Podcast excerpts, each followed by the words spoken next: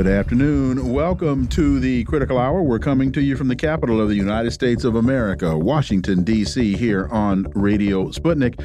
I'm your host, political scientist, author, and nationally syndicated columnist, Dr. Wilmer Leon. I'm joined here by my co host, political analyst, Garland Nixon. Thank you, Wilmer. For the next two hours, we will explore and analyze the salient news stories that are impacting the global village in which we live.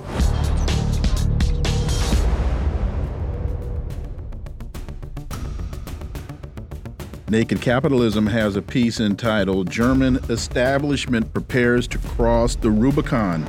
Berlin continues to double down on Ukraine, earmarking nearly more than $8 billion for the war in its just passed budget, while the domestic situation implodes and the government and media smear anyone, political parties, farmers, strikers, who oppose the direction Berlin is taking the country and that list is growing.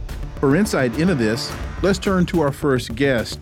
He's an independent investigative journalist and author of three books The Frozen Republic, The Velvet Coup, and America's Undeclared War. Daniel Lazare. as always, Dan, welcome back. Thanks for having me. The piece continues It's difficult to overstate how unpopular the ruling coalition is that just got its war austerity budget passed. Nearly two thirds of voters want to pull the plug on the current government, a, where, a rare step in Germany. Chancellor Scholz has some of the lowest approval ratings for a German chancellor ever.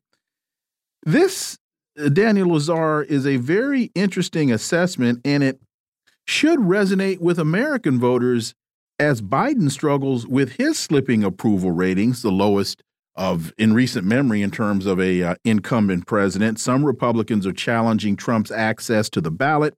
Senators released the text of a bipartisan agreement to pass the 118 billion dollar austerity military package with homelessness reaching record levels in the United States. There seem to be some similarities between here and across the pond, Daniel Lazare. Yeah, there definitely there definitely are similarities. Uh, the um the, problem is that is the chemistry is basically the same. Uh, the the the center is not holding. Um, I'm talking about the, the, traffic light coalition in Germany. That's the, the the Social Democrats, the Greens, and the Free Democrats, the free market uh, Free Democrats. Um, and the U.S., the uh, the Democratic Party here, which is basically a center right party, uh, is not doing well either. Uh, the um, the situation in the Ukraine is a major factor. Uh, things are really coming apart there in a really dramatic way, um, and. Uh, uh, the fact that Biden is unable to get uh, an aid package through Congress is very important. that leaves NATO kind of feeling adrift uh, and puts um, Germany in especially a tight spot because it worries that it'll it'll have a war, a civil war on its doorstep uh, if the Ukraine collapses under Russian pressure.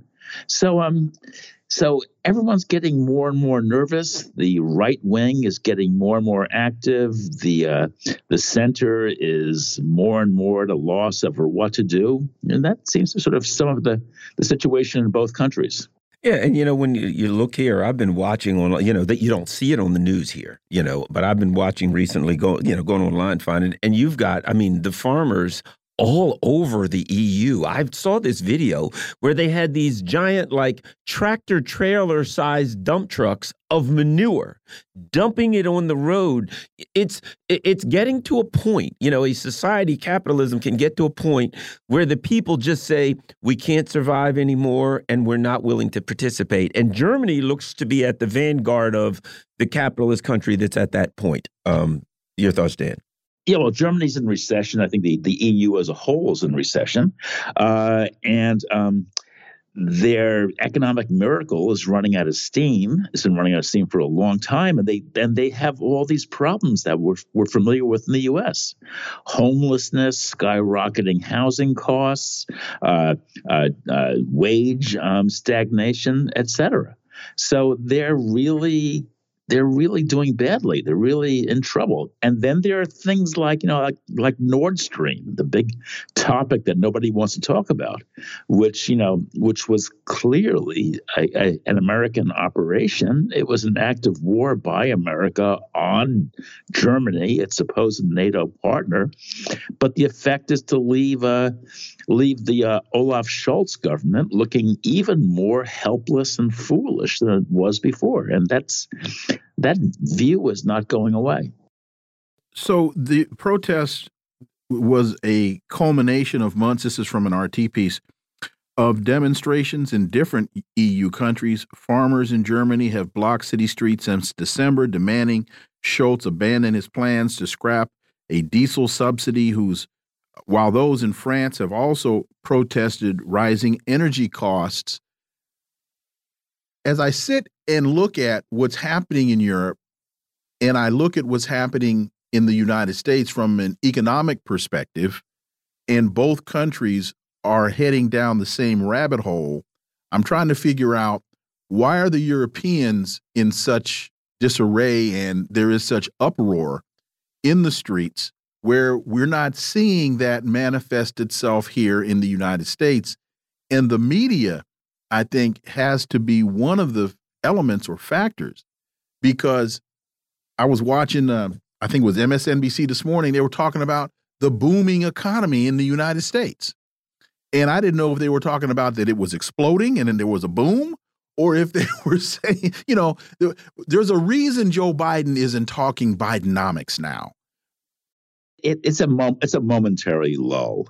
I mean, you know, back uh, three years ago we had the uh, the Capitol Hill insurrection, mm-hmm. and uh, and and that left you know the world rubbed its eyes in disbelief. Uh, now the action now it's uh, Europe which is exploding with civil disobedience, and uh, it seems that they're in the hot seat now but this will change. I mean, if, I mean, first of all, the advance of of of, uh, of the AFD, the alternative for for Deutschland, uh, in Germany, and the advance of uh, of Donald Trump in the U.S. These are just two perfectly parallel phenomena. Uh, I mean, both countries are heading in the same direction, uh, and it's uh, it's not pretty. But he, here's the difference, and this is from the RT story the protests that they're talking, the most recent ones, as a culmination of months of demonstration in different EU countries. We had the uh, January 6th incident at the White House. We haven't seen that replicate itself through other cities in the country. And so it seemed, and we, along with you, for a year and a half, have been on this show asking when is the public going to have had enough of this in Europe and move into the streets and demonstrate to the elite that they're sick and tired of being sick and tired. That's what we seem to be seeing here. It's spreading across Europe. We're not seeing that same level of discontent manifest itself in the streets in the United States. Yeah, so it's manifesting itself at the uh, in, in the uh, in the Trump MAGA movement. I mean, uh, you know, I mean, I mean, Trump is the is the perfect expression of these of these of these voices. Uh, you know, Americans who are uh, who are really angry at the Democratic Party and uh, and the and the elitist uh, social engineering that it represents. They feel they're getting the short end of the stick, uh, and uh, and they want change, and they and they don't really care, and, and they want Trump because they, they want you know they figure he's the only person who's who's got the gumption to really uh, institute really fundamental radical change. So I mean, don't worry. We'll see. The, we'll see the action in the streets before too long. Uh, I think the uh, the things and the, the, the the developments on both sides of the Atlantic are are really moving in uh, in perfect uh, synchronization. I'm going to hold you to that, Dan Lazare. You told me not to worry. In fact, I'm going to start walking around D.C. telling folks, "Hey, Dan Lazare said you need to be in the street, and you're not. Let's get to it." I think the uh, what's going on in Texas, I would argue, is an indication of political instability. You know what I mean? It's an indication that this country is becoming politically unstable. Let me. Uh, it, it's interesting you say about why people voted for Trump, and I've been saying, and I've been asking people, and I, and in fact, I read an article this morning on Real Real Clear Politics where they were talking to some black people in Georgia, where uh, no, it was South Carolina, where they got Biden four percent turnout. That's what he had to, uh, uh, here. Here, four percent turnout, and they talked to a black voter, and the guy you can I'll find the article. I can send it to you. He said, "Eh, things were better under Trump."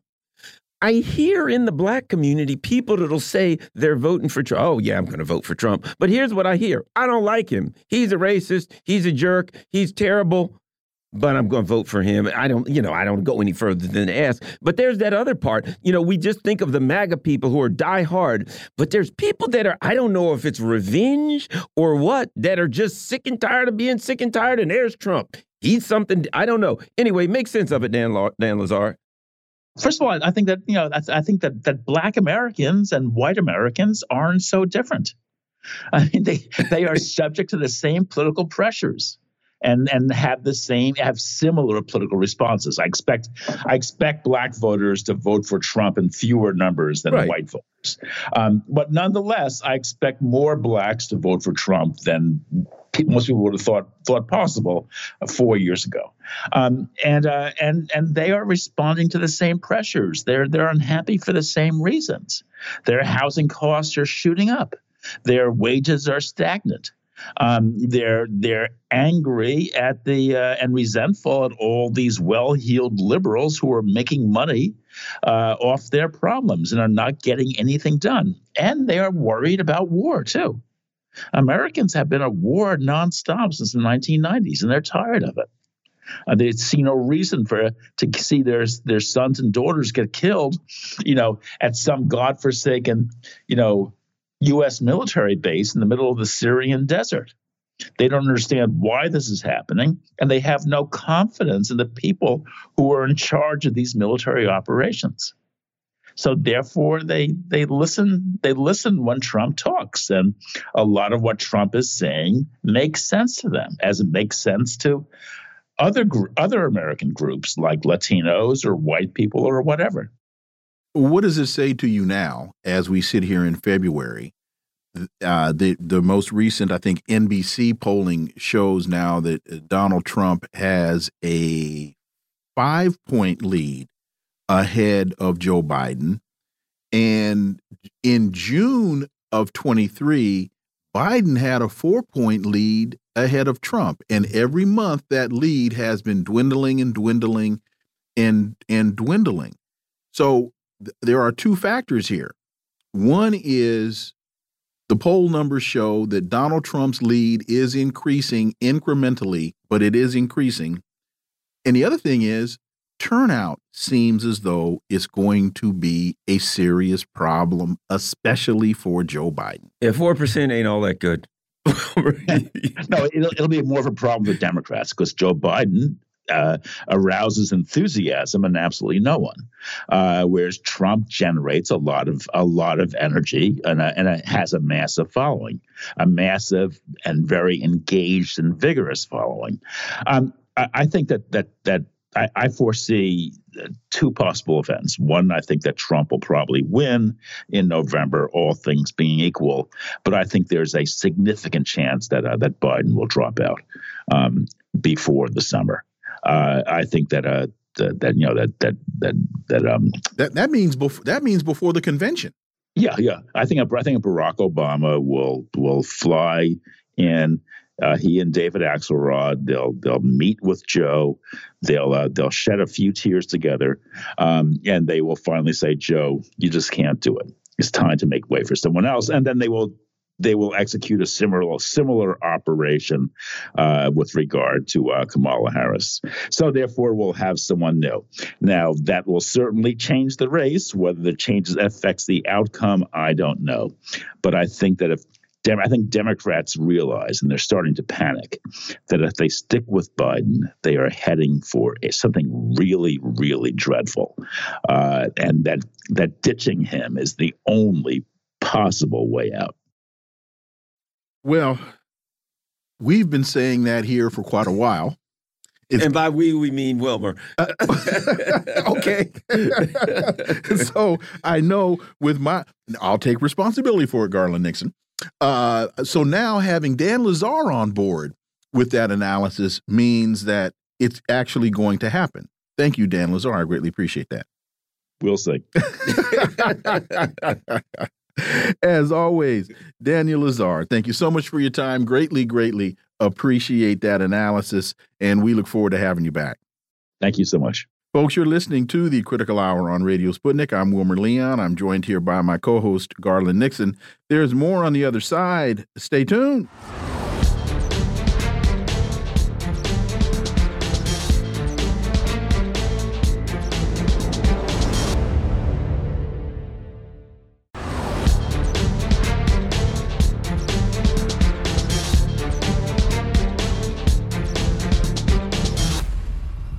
We are back, and you're listening to the Critical Hour on Radio Sputnik. I'm Wilmer Leon, joined here by my co host, Garland Nixon. Thank you, Wilmer. Asia Times has a very interesting piece Biden's emerging new Ukraine policy.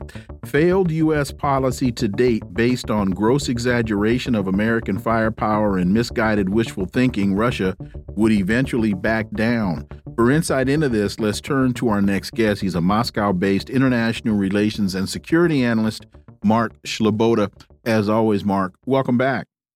Dr. Leon Garland, thanks for having me. It's always an honor and a pleasure to be on the critical hour. So, this Asia Times piece, and I think it's interesting that it's in Asia Times, continues the Biden administration wants the Ukraine war to continue at least until after U.S. presidential elections in November, but there's a lurking danger that won't be possible, especially if Russia mounts a really big offensive. For that reason, there's a new emerging plan, one that is not in writing, but seen in politics. Your thoughts, Mark Sleboda? Yeah, I can't actually agree with much of this analysis. I think Americans have a tendency, an overinflated sense of importance of their own th political theater, uh, presidential elections, and and um, the, to think that Ukraine uh, strategy uh, you know, high geopolitics is is is being based on this. Americans don't vote on foreign policy. They traditionally never have. There is no reason to think that Americans are either suffering economically uh, or otherwise enough. Americans, at least in uniform in large numbers are not dying in Ukraine. Uh, the, the, economics in the United States hasn't overly suffered, certainly not like Europe has, from blowback from sanctions. There's no reason to think that Americans will be overly concerned with Ukraine when they go to the ballot box in November because traditionally they haven't, even when U.S. troops are involved, such as, you know, 20 years of occupation of Afghanistan, Iraq, continuing U.S. military occupations of Iraq and Afghanistan, uh, and the like. Uh, so I, I don't think that that is, I mean, it's not that it's something that is not considered at all. I mean, when uh, you know, you're making foreign policy and military decisions. You do you know make lists of long numbers of factors uh, but I, I don't think that it is a a primary concern um, I think this is more the level of high geopolitics. I don't think that the Biden administration has given or will give up on the conflict in Ukraine either before or after the election.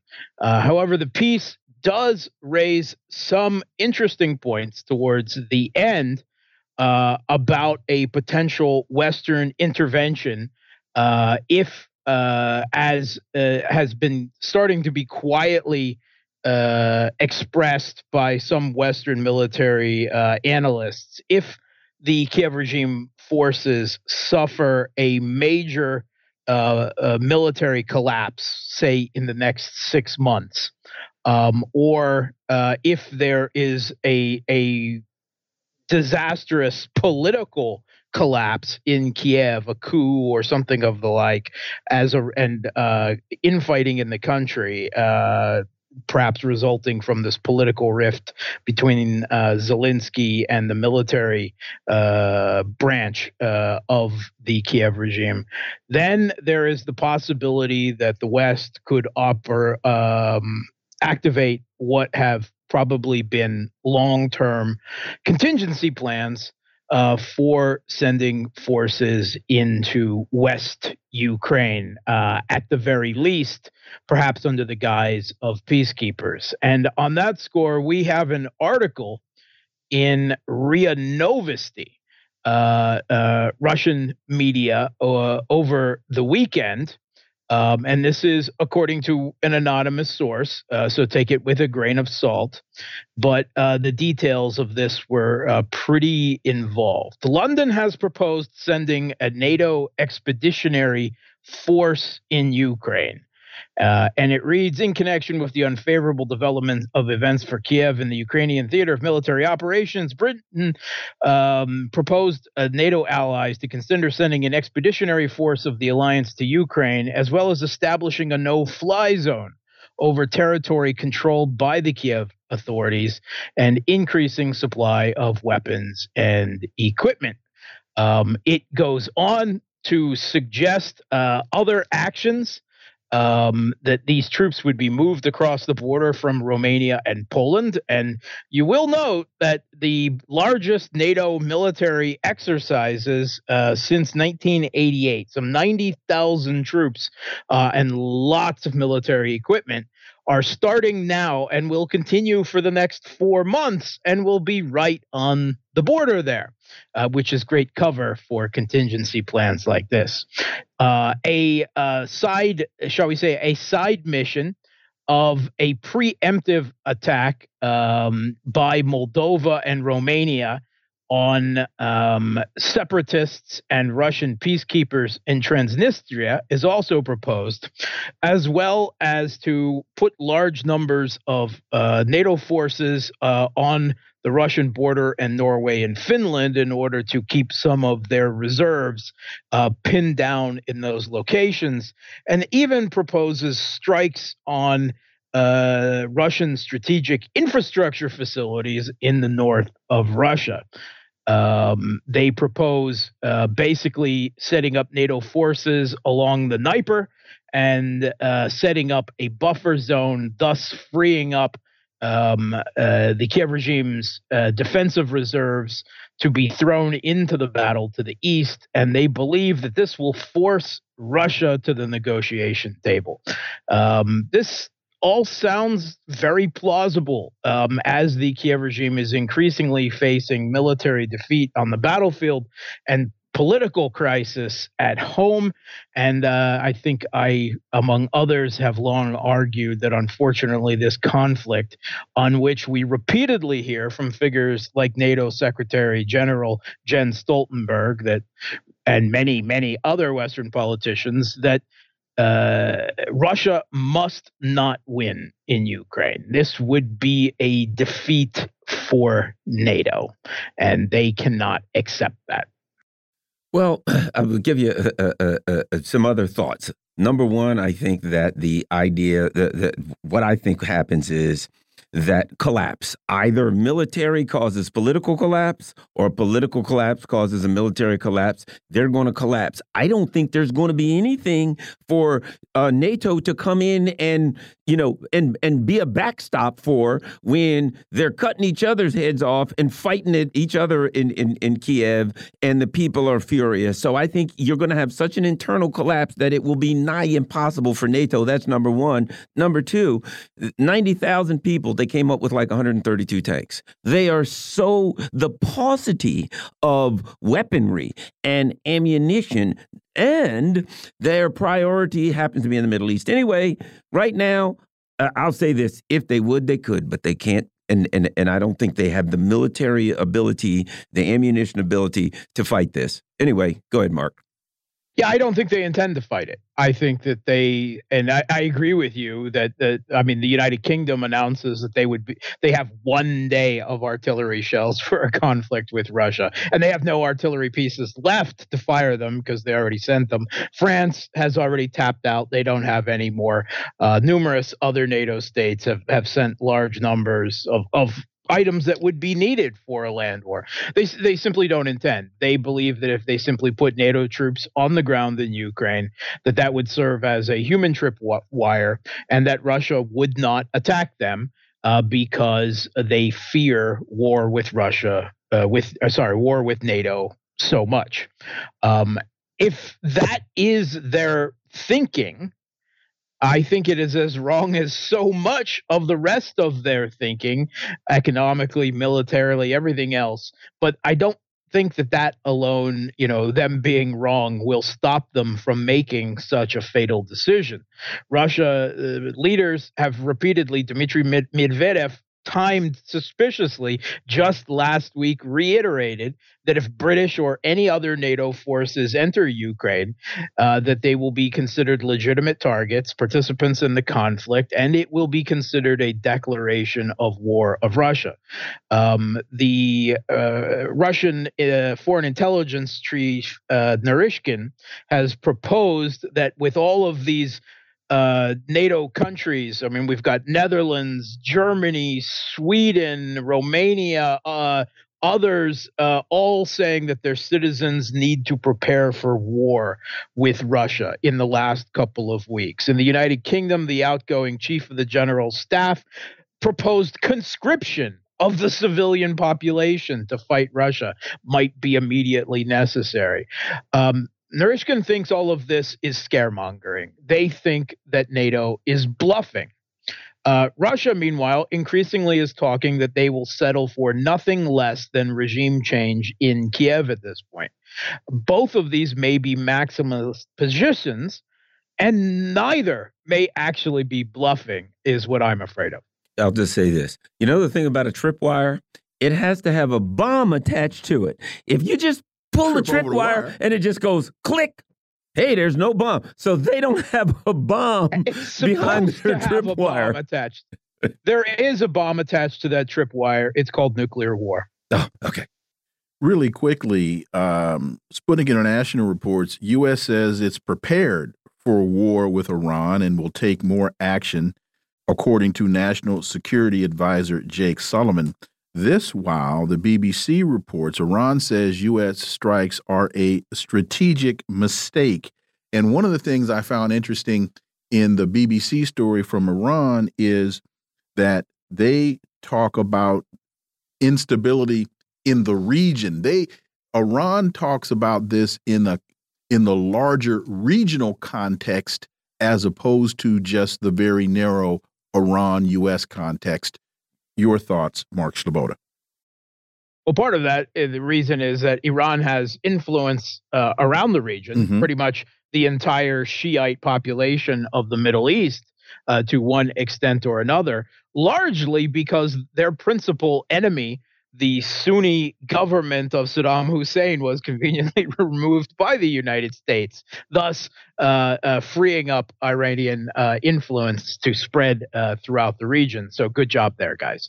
Uh, way, way, way to way to go with with that geopolitical um, uh, stroke of brilliance, master stroke. Yeah, yeah, master stroke, stroke of of brilliance.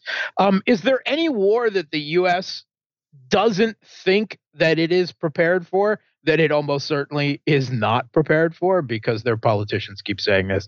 I I do actually think that this is mostly rhetoric and, and intended to calm the neocon beating uh, on both sides of the aisle because they're not just Republicans anymore, but neocon beating of chests who are demanding for uh, uh, bombing uh, and war with Iran.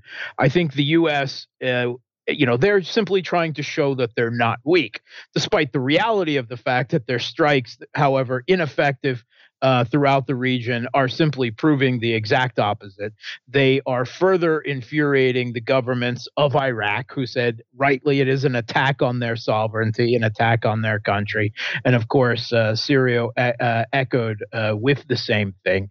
This game of whack a mole. Uh, to to prove their strength is not going to have any seriously effective military results. Um, they're long used uh, in Syria and Iraq and Yemen to avoiding airstrikes, be they be those from the U.S. or from uh, Saudi uh, previously or anything of the like.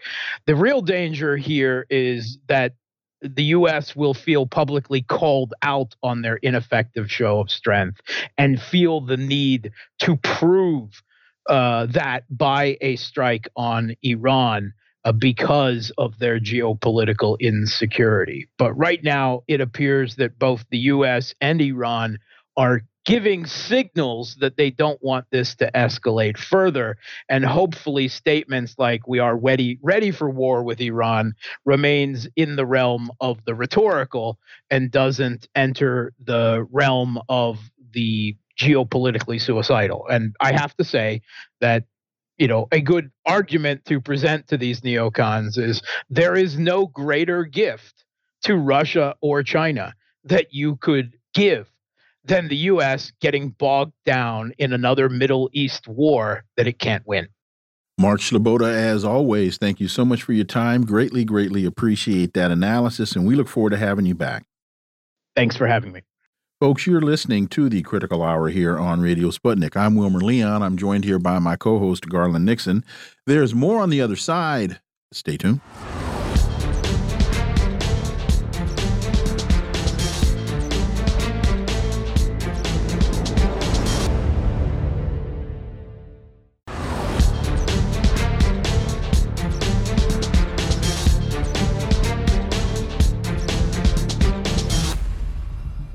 We are back, and you're listening to the Critical Hour on Radio Sputnik. I'm Wilmer Leon, joined here by my co host, Garland Nixon. Thank you, Wilmer. CNN reports Ukraine's army chief says the design of war has changed. The Second World War drew to a close almost 80 years ago, but its legacy in defining the strategic vision of war persists today. That could be, Garland, a big part of their problem. They're fighting current wars with ancient strategy. For insight, let's turn to our next guest. He's an international geopolitical consultant, global speaker, author, veteran, and former international security analyst in Washington, D.C. He's the founder of Global Perspective Consulting, headquartered in Dallas, Texas. Dr. David Oualaalou, as always, sir, welcome back. Pleasure to be with you, Wilmer.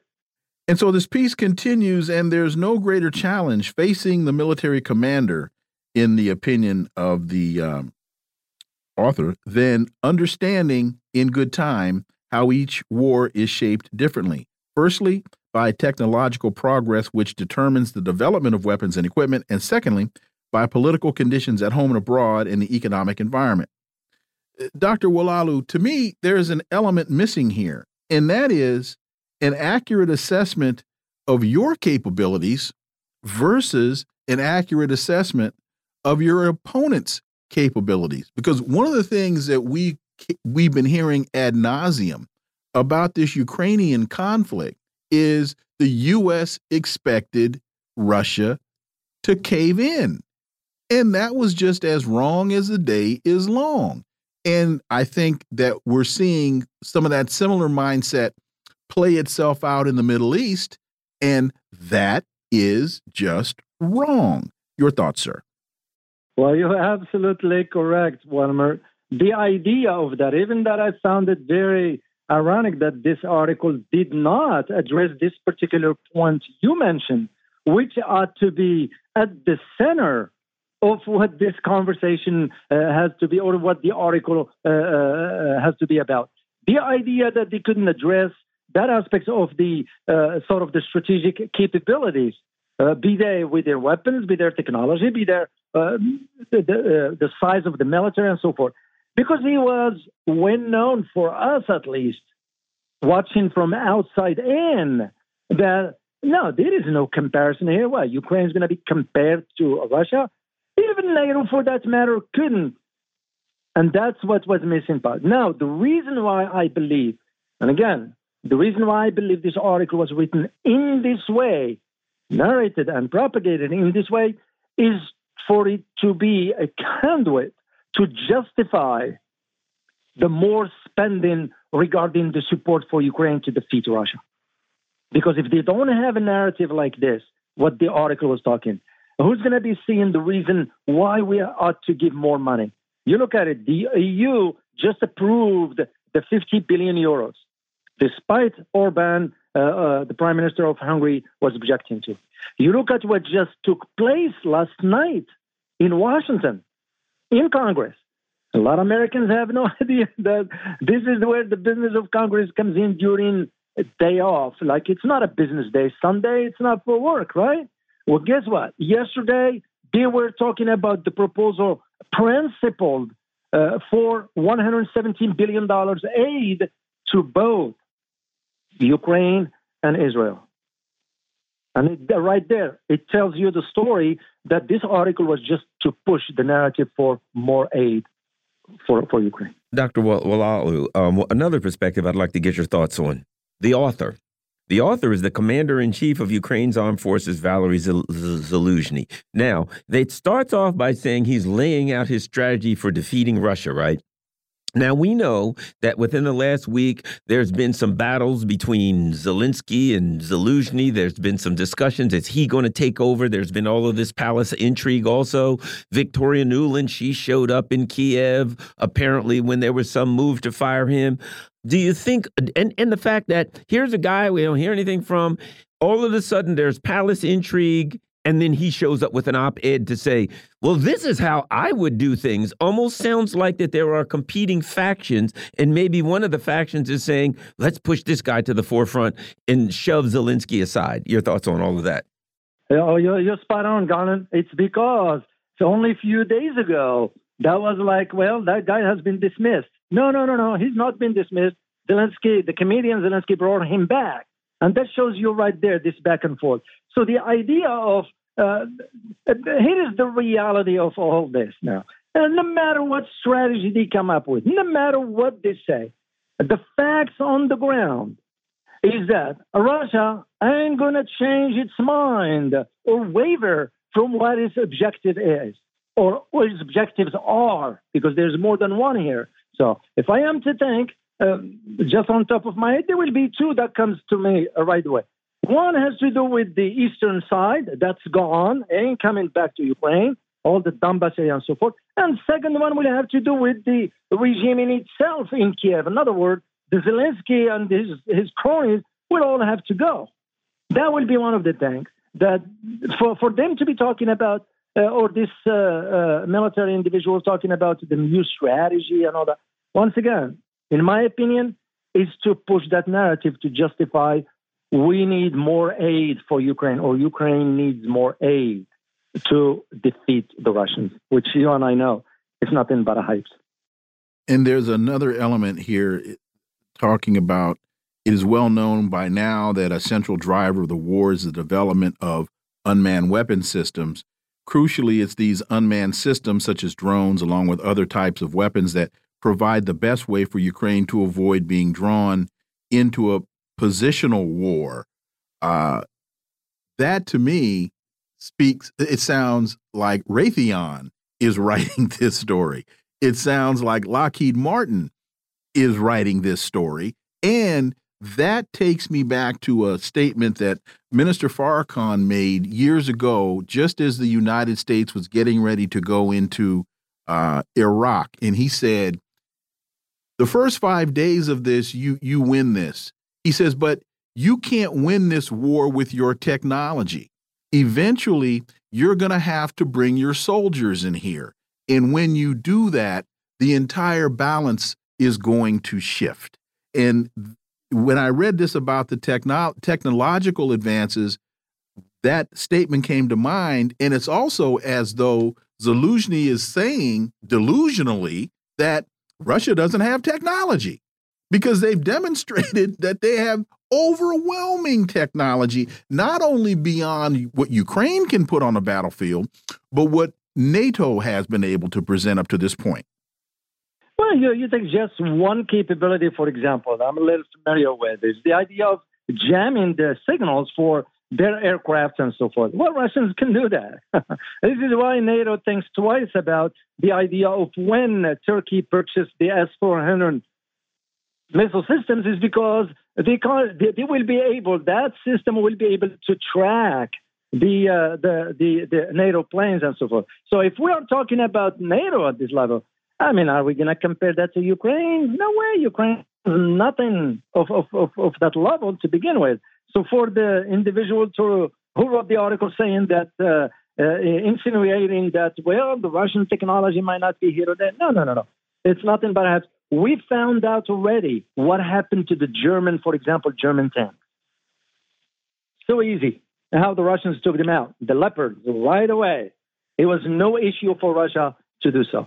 It's uh, once again, I, I really find myself convinced the whole purpose of this article, the whole purpose of the trip of Victoria Nuland, the whole purpose of all this saga that's going on inside Kiev is to justify the support, the financial one from Europe and from the US because they want to keep this narrative going forward. Of course, you get the military industrial complex benefiting from it.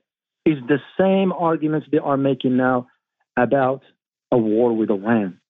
You can just see where, where things going. And let me connect another dot. And if I'm connecting wrong dots, then please let me know.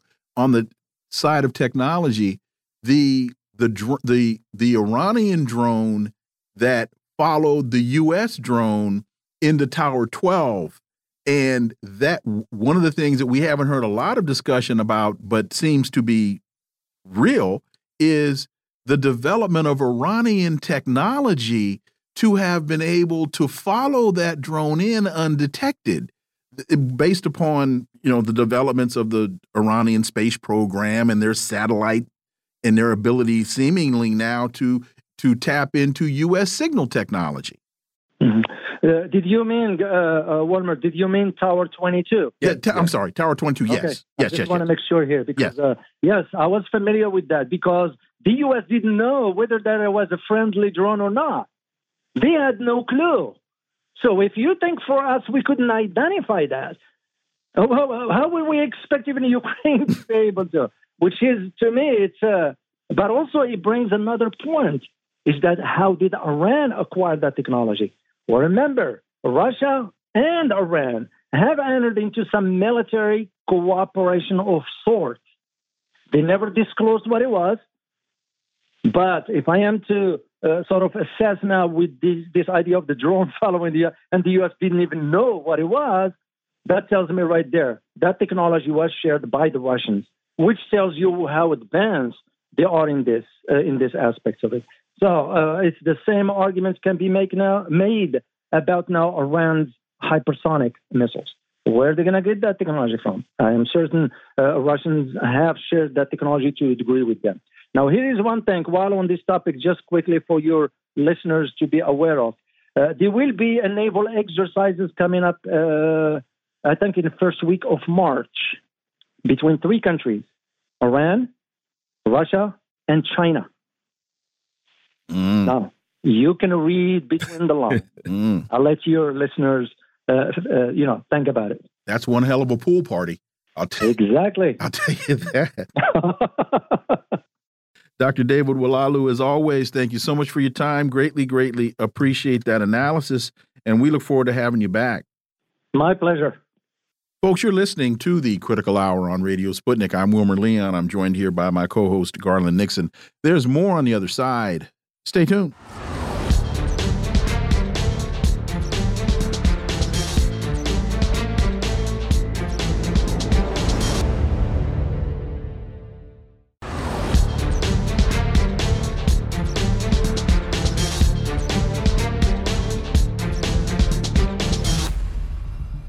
We are back, and you're listening to the Critical Hour on Radio Sputnik. I'm Wilmer Leon, joined here by my co host, Garland Nixon. Thank you, Wilmer. The Washington Post reports Senate negotiators release sweeping border and military aid bill. The $118 billion national security package is a top priority for Biden, but faces stiff opposition from former President Trump and his allies. Can the administration get this over the finish line? Well, for insight, let's turn to our next guest. She's a political commentator and podcaster in Garland. She's the host of the Misty Winston Show. And I'll bet you dollars to donuts it's Misty Winston. It is indeed. Thank you very much. there we go. donuts for all. Misty, the $118 billion national security legislation includes billions in funding for Ukraine, Israel, and the Indo Pacific and humanitarian aid, but it has a politically perilous path ahead. Even before seeing its contents, lawmakers on both the right and to a lesser extent the left in Congress have slammed the measure. House Speaker Johnson called it dead on arrival in the chamber. And Trump, uh, who has made border a core campaign issue, opposes the deal. This thing's getting shot at Misty from every direction. It's almost like a circular firing squad, Misty Winston. Yeah, it's kind of funny, right? Uh, to watch them all freak out about their own individual pet issues and uh, the temper tantrums that are being thrown. Mike Johnson has said that he's uh, he's refusing to even call it to a vote, um, which I think is super interesting. I also think it's interesting that um, uh, we saw both Donald Trump Jr. and Robert Kennedy Jr. speaking about um, uh, they both oppose the immigration bill. They both loudly oppose aid to Ukraine, but they also failed to mention the fun- the funding that's going to go to Israel. So, like I said, you're seeing uh, these kind of uh, pockets of people, these uh, sort of uh, these cliques uh, uh, picking up on their pet issue, and everybody's got a problem with it somewhere somehow because their pet issue isn't getting enough money, or they don't want to send money to a certain place, or whatever. Uh, so yeah, this is going to be super interesting to see if the Biden administration is going to be able to pull this off. I don't think so. I don't think they're going to be able to do it. Well, the other thing we see, I think, here too is this, and that is it's blatantly obvious now. Trump's like a million points ahead of Nikki Haley. That's yeah. Uh, you know game set and match. So at this point, only a million. Yeah, a million and one. oh, but at this point, because he, the voters are in his pocket, he's going kind of controlling the House there. When he says yeah. to the House, you know, I don't like this bill, it's dead because all of those people there got to go back to South Carolina, Louisiana, wherever they got elected and see Trump signs all over the place. Trump now, he's got his hands. I mean, he's got the steering wheel of the House, if, if you ask me. Let me add one more data point to that. Yesterday, uh, Netanyahu, in commenting on this aid package, I think he was commenting on the aid package, said this would not happen to us under Donald Trump. I heard that. I said, wait a minute, Bibi. Yeah. What are you doing? Go ahead, Misty. Yeah. No, it's and uh so on Truth Social or whatever Donald Trump's social media platform thing, which I've never been on. I don't know what it looks. I think it's very Twitter esque, but uh, he has a post up there that says only a fool or a radical left Democrat. I love when they do that. uh, would vote for this horrendous border bill, which only gives shutdown authority after 500 encounters a day, when we already have the right to close the border now, which must be done. This bill is a great gift to the Democrats and a death wish for the Republican Party. It takes the horrible job the Democrats have done on immigration and the border, absolves them, and puts it all squarely on the shoulders of Republicans. Don't be stupid. We need a separate border and immigration bill. It should not be tied to foreign aid in any way, shape, shape or form. The Democrats bo- broke immigration and the border. They should fix it. Make America great again. Um, so yeah, he's definitely come out full force against this bill, which I think you're right. He is very obviously has a, a significant sway already in Congress and in the way that this legislation does or doesn't get passed. And I think that that's uh, significant. I think uh, you know moving into 2024, the idea that he's already really controlling things, I really that just speaks volumes. So we follow the discussion about a $118 billion so called national security legislation bill that seems to be going nowhere quickly. NBC News reports 20 point deficit on handling economy highlights Biden's struggles against Trump. The president's approval rating has fallen to a new low in NBC News polling as Trump narrowly leads in a general election matchup that's a that's an interesting statement because yes, I think he's up now by five points, and so that's only two points within the margin of error, above the margin of error. But he's been trending upward, quarter of a point by quarter of a point by quarter of a point. Joe Biden was up by four points in June, and now he's down Five, Five, points. That's a nine point turnaround. Thank you very much, Yeah. Whoa. Mr. Mathematics. Thank you very much. I love the way you did that. And, Uh, I, and I didn't have to take my shoes off. Because I'm glad you- 11, I'd have been in trouble. I'm glad you didn't because I would have asked, are we in Wisconsin? Anyway, um, so Misty, I see this as being more significant than they want to admit. Yes. Yes, 100%. I think Democrats are going to try to poo poo this. Obviously, they don't want, first of all, I think that they're trying to poo poo the uh, approval ratings, anyways, because Biden has been on a steady de- uh, decline for a very long time. I mean, really, since he took office, it has been just a uh, like uh, rolling down the hill uh, uh, ever. So, I, I mean, the, it seems the longer he's president, the faster his poll numbers drop, which, I mean, listen, that's not uncommon. We don't, it's not uncommon to see a president who's in office to see their approval ratings drop. Um, you know, it's hard to please everybody, all of that stuff. But I think that, listen, that when you just said that Biden's numbers have dropped to a historic low, that it's every time we talk about his numbers, it has dropped to a new historic low because it just keeps uh, just dropping every single day. And I think that that's only going to continue to get worse. I think as these foreign, I think what's so, so significant, in my opinion, I think is the way that foreign policy um, positions and opinions are impacting these numbers. Because generally speaking, I think in this country, most people don't pay attention to foreign policy. I think most people are very focused on domestic issues. They want to, you know, can I feed my family? Do I have a job? Can I get health care? That kind stuff, which I mean, rightfully so. But I think people are starting to realize the significance of foreign policy and the impact that that has on domestic policy. And so there's been recent polls out that have shown that the uh, the number of people who are in, uh, influenced and impacted and um, you know interested in foreign policy this time around has really significantly increased. And so I think that we're going to continue to see these numbers slide because uh, obviously Biden has got us into a whole host of messes uh, across the globe. So I think that there's no question about it. Um, uh, Trump is going to continue to rise in the polls. Biden's going to continue to plummet. And I just I, I don't know how the Democrats put a stop. I, I don't know how they do a stopgap at this point. And one thing really quickly, Garland, Trump hasn't really seriously even started campaigning yet.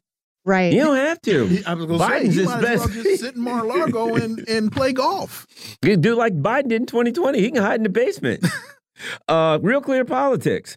Russell Brand to Tucker Carlson, media organizations, governments are collaborating to crush dissenting voices. And you know what's interesting about that? We see it across the pond. We see the U.S. say, oh, uh, Misty Winston's a Russian bot. She can't very well talk. And then it's in Germany and then it's in the EU. Um, your thoughts on Russell Brand's discussion about the, the governments collaborating to crush dissenting voices?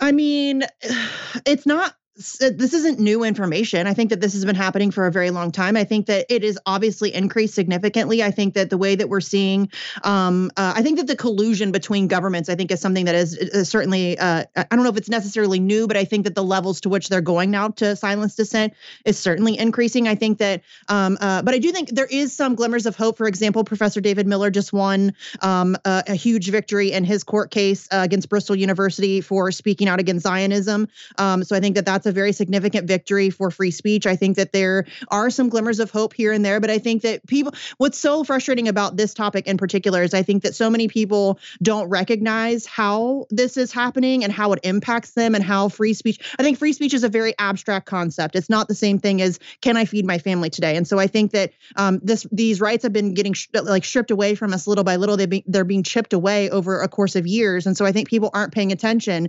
Um, and uh, I think that they're just really starting to cr- uh, crack down even more. I think they want full narrative control, um, and I think that they'll do anything to reach that. So I, I mean, I really wish that people would start paying more attention to the censorship and the algorithms and the way that they're controlling the narratives and the way that they're silencing dissent, um, because that's a really terrifying prospect, and it's only, I mean, it's only going to continue to get worse. And I'm going to add a story here that we did not send you, but just the headline will will explain why. Israel Palestine War, Brown University students launch hunger strike for Palestine. So this is now it's gone beyond Harvard, it's gone beyond MIT. Uh, we are we are now seeing, and, and this is that they they make a, a really important point here is that it's not just Palestinian students, it's Jewish students, it's Palestinian students, it's a whole bunch. And so that uh, to go back to a story that we did send you, percentage of U.S. adults who think Israel has gone too far surges. Meanwhile, support for Democrats for Biden, Biden response to the conflict, conflict fell by 13 points. They still don't seem to get the math, Misty Winston. I don't think they care about the math, frankly. I think that they do not care what you think. I think that they know where their bread is buttered. They know that the Israeli lobby is incredibly powerful. They know that if they want to get reelected, they can't make AIPAC angry. Um, and so I don't think that they care one lick about what the people of this country want or say or do. And so uh, that's why we and we see this all the time, right? I mean, it's not like we have. We I think it was what the Princeton study that said that we're an oligarchy that are the the the average American's um, uh, opinion on any one given position means absolutely nothing. It impacts lawmakers zero, zero percent. Um, and so I think that uh, this is completely unsurprising. I don't think it's going to make them change their position or the way that they're handling it. It might change the way that they try to dress it up. It might change the way that they try to spin the narrative.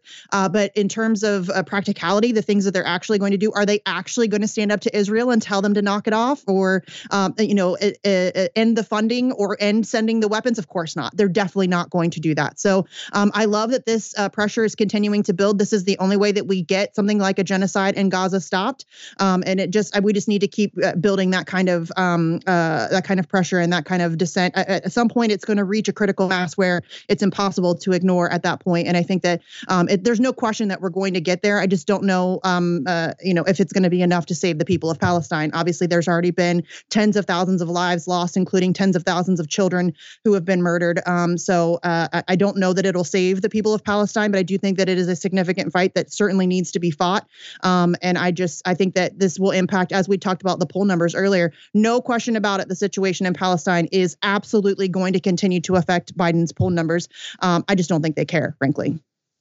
You know, Wilmer, the situation here is really unstable. If you look at it, the right wing is in Texas. They're just about ready to go on a, you know, a, some Attack kind of a rampage. The left, what's left of it, is in the streets screaming about Palestine. I mean, uh, uh, my point is, the country is politically becoming unstable, really unstable. Yeah. And as we get out, here's why they should care because we're supposed to be a representative democracy.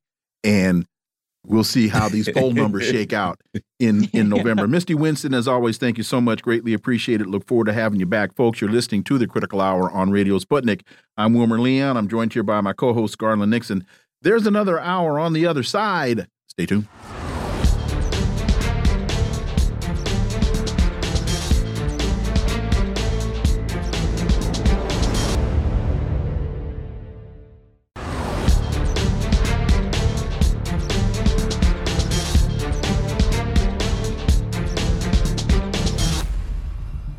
We are back, and you're listening to the Critical Hour on Radio Sputnik. I'm Wilmer Leon, joined here by my co host, Garland Nixon. Thank you, Wilmer. RT reports Biden wins first primary amid tepid turnout. The U.S. president had lobbied to have South Carolina hold the Democrats' first nomination contest and couldn't get 40% people to come to the polls. For insight, let's turn to our next guest, we're joined by the host of AM Wake Up and Slow News Day. You can watch live on Rokfin and Rumble and listen anywhere podcasts are served. Steve Poikonen, as always, Steve, welcome back. Thank you very much, gentlemen. Great to be here. So, Biden handily won the Democratic Party's first primary in South Carolina this past Saturday, sweeping the sparsely populated field with over 95% of the votes. About 131,000 people voted a dismal 4% turnout. Party officials had warned Reuters they expected between 100 and 200,000 total votes, a significant decrease on 2020, where 540,000 Democrats turned out to vote in the primary. Uh, that was 16.4% of registered party voters. So, Steve, what happens when you throw a party and nobody comes? Steve Poikonen. Well, it's fantastic for Biden is because they already said, look, we're not really going to do a primary thing. We're, in fact, uh, any votes cast in New Hampshire aren't going to be awarded delegates to any of the candidates. We're we're making sure that our guy is the guy. So not only does that discourage potential voters, it discourages rank and file voters, especially in a state like South Carolina, where they can be like, well, he's already got it in the bag. We don't even need to, we can, we don't even have to phone it in on this one. It's creating the kind of apathy within the party that allows for the open and blatant chicanery, uh, if not outright rigging, the the Democrats have been able to get away with uh, season after season after season. Let me read this one, uh, one, one uh, towards the end, the second from the last sentence. One black South Carolina voter interviewed by MSNBC ahead of the primary blamed the economy, explaining, We were broke with Biden, we weren't with Trump. You know, these things are rarely complicated. And as we discuss often on this show, when it comes down to voting, yeah, uh, it, it looks like foreign policy is going to be an issue here. But people a lot of people probably couldn't vote, didn't vote because they couldn't afford the gas to drive to the polling booth. They needed that for, you know, to feed their kids, etc. That's kind of what it often comes down to, isn't it? When Jim Carville said it's the economy stupid, uh, he he hit the nail on the head. It was the one time that I think that guy's ever been right about anything ever. Uh, when people vote with their wallet, almost every time it takes a, an historic event like first black president or perhaps first woman president, something to that effect, to get people to vote with anything other than their wallet. And the reality of the situation is that the economy under Joe Biden, regardless of how they want to try and twist numbers or reality, has been terrible for the average American. Doesn't matter what color you are, doesn't matter what country you originally came from, doesn't matter really what your job is. If whenever the question is asked regarding an election, are you better off now than you were four years ago? The vast majority of Americans are going to have to say, no, no, I'm not.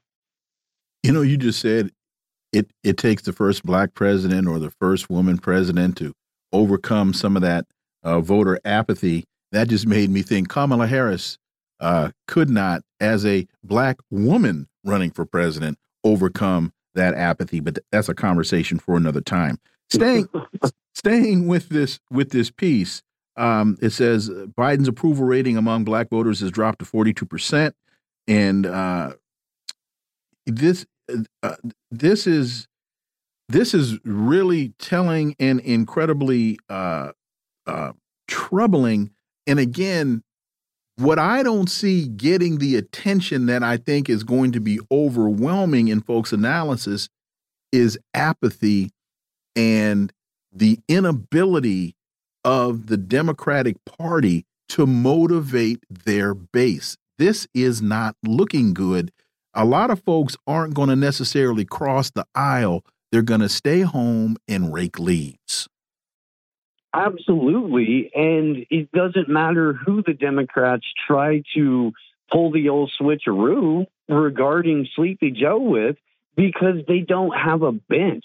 There's nobody who's prominent, who has promise, who's going to offer Americans an alternative. Everyone who's been out there talking, even when it comes down to uh, however, wherever you want to classify Robert F. Kennedy Jr., because he's you know, he went independent. Now he's trying to talk nice to the libertarians, but they're not having it. So who knows what he's going to, you know, uh, the Democrats have nobody and they don't have a policy that appeals to enough regular, ordinary Americans to get them elected on a national stage right now.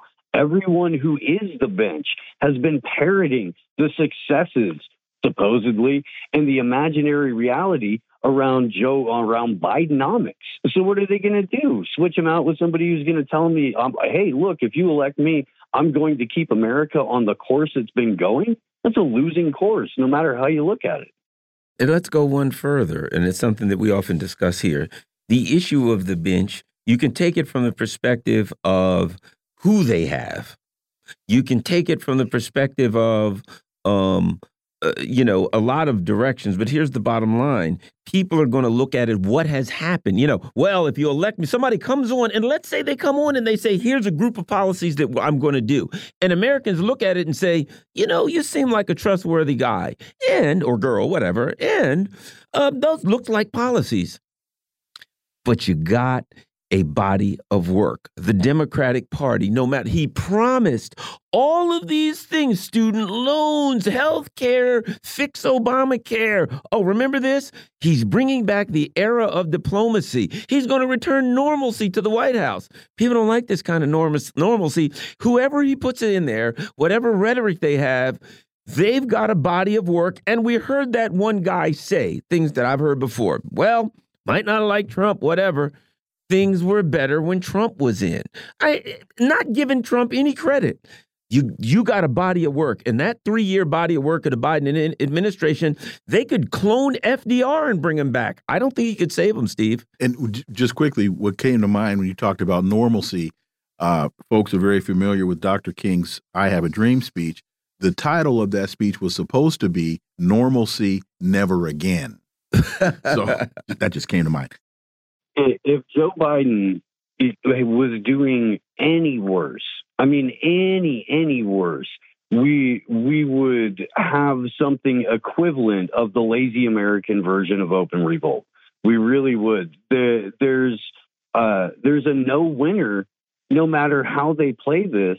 And, and so when you take a step back and you look at it in terms of, okay, well, these are globalist politicians who are playing a global game with with how world economies work, uh, then maybe the Democrats can afford personally to let four years go by before they try to run a Gavin Newsom or somebody like that, because according to all of their marketing and paperwork, the year 2030 is significantly more important in terms of agenda items met and world markets captured than 2024.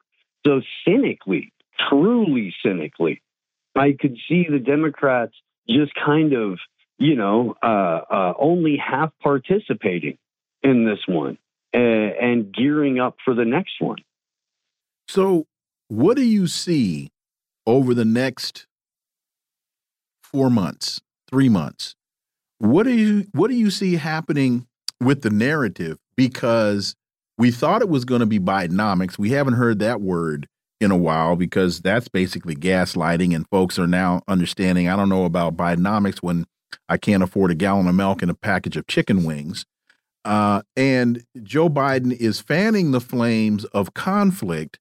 So is is he going to be trying to run as a war president uh, in in in conflicts that a majority of Americans are saying they don't want.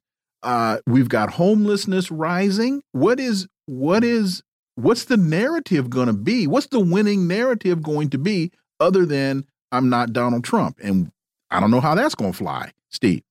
There's not one. And if you recall, George H.W. Bush was running the exact same losing campaign in 1992 uh, against Bill Clinton, which he all maybe would have won if it wasn't for Ross Perot. We don't know. Uh, but his whole thing was, you guys, I don't know if you've noticed, but the world's a dangerous place. And we have the duty and responsibility to restore order in it. And a bunch of people went, yeah, it's dangerous because of you. you're you're the guy who sold them all the weapons a few years ago and all that, this, that, and the other. And, and but he tried that exact same kind of strategy. You know, it's a, a very unstable time. The world is an uncertain place. You see how unhinged that guy is, right? That guy's a maniac. Don't you want the calm, steady hand of Joe Biden? well, let me ask you this, Steve you know the you know there were um, uh, uh, you know innumerable charges against Donald Trump, right? The uh, main one that they thought that they'd be able to get him out with was uh, the Georgia one, but that seems to be uh, yeah, rapidly coming apart. Uh, your thoughts with the whole Fani Fani Willis thing? So it doesn't look like you know their base they're saying is if we can get a conviction, maybe that'll do it. Doesn't look like anything's going to do it. Your thoughts? What do you think how bad does this situation go if the DOJ is able, by hook or crook, crook, I guess being the operative term, to somehow disqualify Trump and make it so he can't run, even though he's steadily building a lead on Joe Biden? How bad does that situation go in this country? It may get them to the point. I mean, they've been trying to get all of us to hate each other and do another civil war kind of thing for years now. And something as as blatant as that, at least in the state where they pull it off in, may get enough of a violent reaction to where the current administration can go, okay, look, uh, we're going to have to suspend elections until we restore some order here to the country. Uh, it's been working in Ukraine. I don't know if you guys noticed or not, uh, but they suspended elections. There's a couple other countries that don't have elections anymore. And so, because everything is totally stable and normal and secure there, we should probably do that too. Um, I, the, I don't. I don't know how it goes because look, the, the whole thing in Georgia involves people that are as crooked as a dog's hind leg. And everybody in the state knows it now. I don't know how you can get away with a prosecution when it's public knowledge that everyone involved for the state is, corrupt to the gills. Steve Poikonen, as always, thank you so much for your time. Greatly, greatly appreciate that analysis. And we look forward to having you back. Thank you very much, gentlemen. Have a great day. You do the same. Folks, you're listening to the Critical Hour on Radio Sputnik. I'm Wilmer Leon. I'm joined here by my co host, Garland Nixon. There's more on the other side. Stay tuned.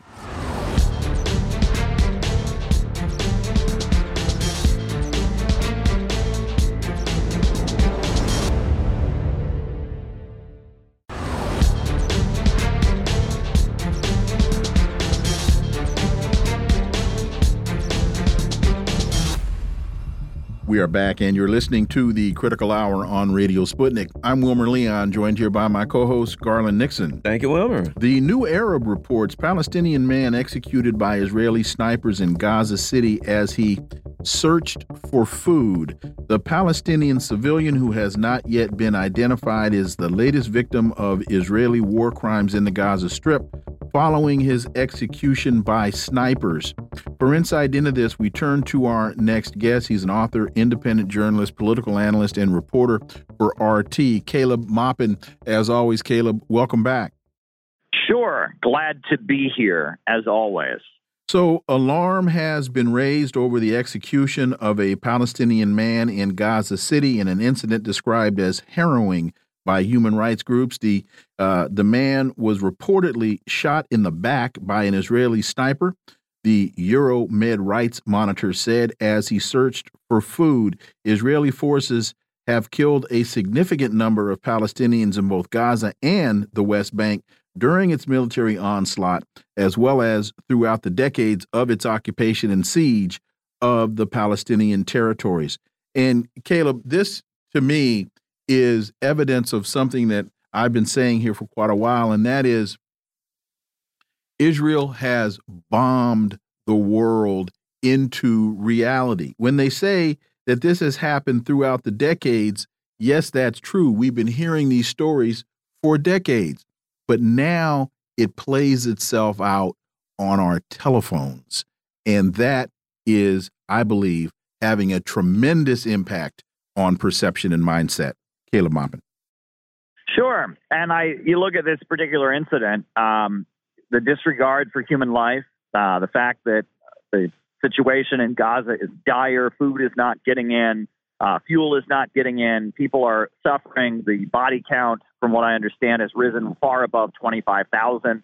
Um, and now we have on film a pretty blatant example of a life being taken for no possible justifiable reason. Um, and I think, you know, there's many people in the United States uh, who have talked about the issue of police brutality over the last several years. Uh, and it's worth pointing out to them uh, that, uh, you know, a lot of American police departments have a relationship with the Israeli government. And a lot of American police are trained in Israel. Uh, and that the way the Israeli military treats Palestinians uh, and the disregard for human life that we've seen on the part of American police officers when dealing with African Americans in particular uh, I, I, don't think you can separate those two things. There is a relationship. I know the New York City Police Department actually has an office in Tel Aviv and brags about it. They have uh, they have uh, little leaflets about it in the New York City uh, precincts, informing everyone that they now have an office in Tel Aviv. Look at that. Uh, look how close we are to the Israeli government. New York City is a stronghold of pro-Israeli sentiments. They see this as good PR. Um, but this is an example of, of disregard for human life. This is an example of how information technology has made facts that people previously chose to ignore inignorable, and the horror and brutality rained down by occupying forces is something that we can now see flickering on our screens and and not deny and not look away from. We also, as a result of these, you know, we saw people, we see these types of, of, of just brutal actions being taken on a day to day basis. We've got now Brown University students launching a hunger strike for Palestine. We're starting to see massive pushback against these against imperialism. We're here starting to hear a different um, conversation amongst young people. Um, your thoughts on that, Caleb? Well, again, it is interesting to see that on the college campuses there has been an upsurge of support for the Palestinians. Um, and it seems like as much as so much of the woke rhetoric has, uh, you know, very much been pro-imperialist, has been engaging in cancel culture of those who question U.S. foreign policy. On this issue, uh, the woke stuff that has been fomented by some of the richest and powerful people uh, has uh, has backfired. Um, and because the, the woke rhetoric emphasizes opposition to, you know, white skin privilege, it emphasizes uh, the notion of uh, oppressed nationalities, and and as much as the woke stuff can be weaponized for pro-imperialist purposes in other circumstances, in this instance, it has led to a huge upsurge of pro-Palestine sentiments, and that goes against the American establishment. Many of the figures in the American establishment who had positioned themselves as uh, as as aligned with the woke stuff are now seeing that the woke people are pro-Palestine. Uh, and they are not. And so this is an example of the political conversation shifting and twisting. Um, and you, you have to wonder now that now that Donald Trump, uh, you know, is is once again running for president, and now that his rhetoric on on issues like Ukraine has started to shift, you have to wonder if they're now more afraid of the of the woke uh, the woke monster that they created, uh, like Dr. Frankenstein, and they're trying to pivot to some kind of neoconservative right wing up up. Caleb, can you hear me? Yes. go, yeah, go. go ahead, Caleb. Yeah, yeah, I'm I'm here. Yeah, um, yeah, but I was just saying that it seems like the the woke upsurge has been lost. Uh, I don't know what happened there. One of the things, well, two things that strike me about this particular story at Brown University. One is the name of the organization that sponsored the protest Palestine Solidarity Caucus and Jews for Ceasefire Now organized the hunger strike. And one of the things that they're demanding is, quote, given the escalation violence in Gaza, this hunger strike emphasizes the urgency of passing a divestment revolution in this meeting rather than delaying the process any further. So when you look at the BDS movement, boycott, divestment, and sanctions movement, which whose traction was somewhat questionable before October 7th, this to me sounds eerily reminiscent of what transpired in South Africa and brought about change in South Africa. Caleb Maupin. Sure. Well, the movement for the boycott, divestment, and sanctions against South Africa uh, that movement started out as kind of an initiative only done by communists. Um, you know, it was communists who supported the African National Congress. It was the Soviet Union that gave them weapons and, and training, and it was young communist organizations that raised the issue of apartheid. Uh, but starting in the early 80s, uh, you saw a very big upsurge of pro Nelson Mandela sentiments, very big demonstrations, including a lot of liberals, including members of Congress. And that ultimately swung swung things in a new direction. And when Nelson Mandela, you know, had his tour of the United States, you saw huge support from him from African Americans, but also from the progressive left, and that it showed how, um, you know, an issue that was kind of obscure got to the point that it just couldn't be ignored any longer. Um, and perhaps that's what we're seeing around the pro-Palestine thing, as we see so many people coming out and supporting them. I will say what is fascinating is the gap between the American political establishment, the gap between the typical Joe Biden voter on this issue and the Biden administration itself, because uh, the bulk of the people in the United States who consider themselves progressive, who consider themselves left wing, are critical of Israel. Uh, but the Biden administration is just giving Israel a free pass no matter what. Iran has called U.S. airstrikes on Iraq and Syria a strategic mistake after 85 targets were hit across the region on Friday. You know, it kind of reminds me of, you know, in the animal kingdom, a poisonous snake will do what's called a, a false strike to scare someone away. You know, a a black bear will do a false charge and where they'll stop. There are a lot of animals that'll do something to try to scare you a little bit, but also let you know they don't really want to fight. And that's what the Biden administration's uh, bombings look like. Like they bombed some scorpions or some, something in the desert, but they don't, wisely, I might add, for a change, don't really want to fight. Your thoughts on the Iran airstrikes? I mean, the, excuse me. Well, It's the airstrikes. So, go, I, I would say that that Iran has shown amazing restraint uh, in dealing with the United States. The United States, you know, convinced Iran to give up basically all of its nuclear power plants. Uh, the United States then ripped that deal to shreds, then murdered Qasem Soleimani. Uh, now we have Israel murdering top Iranian generals in Syria. Um, and at, this point, uh, you know, all Iran has done is, you know, carry out kind of symbolic strikes. And these three soldiers that were killed in Jordan, uh, from what we understand, the reports indicate that Iran didn't even intend to kill them.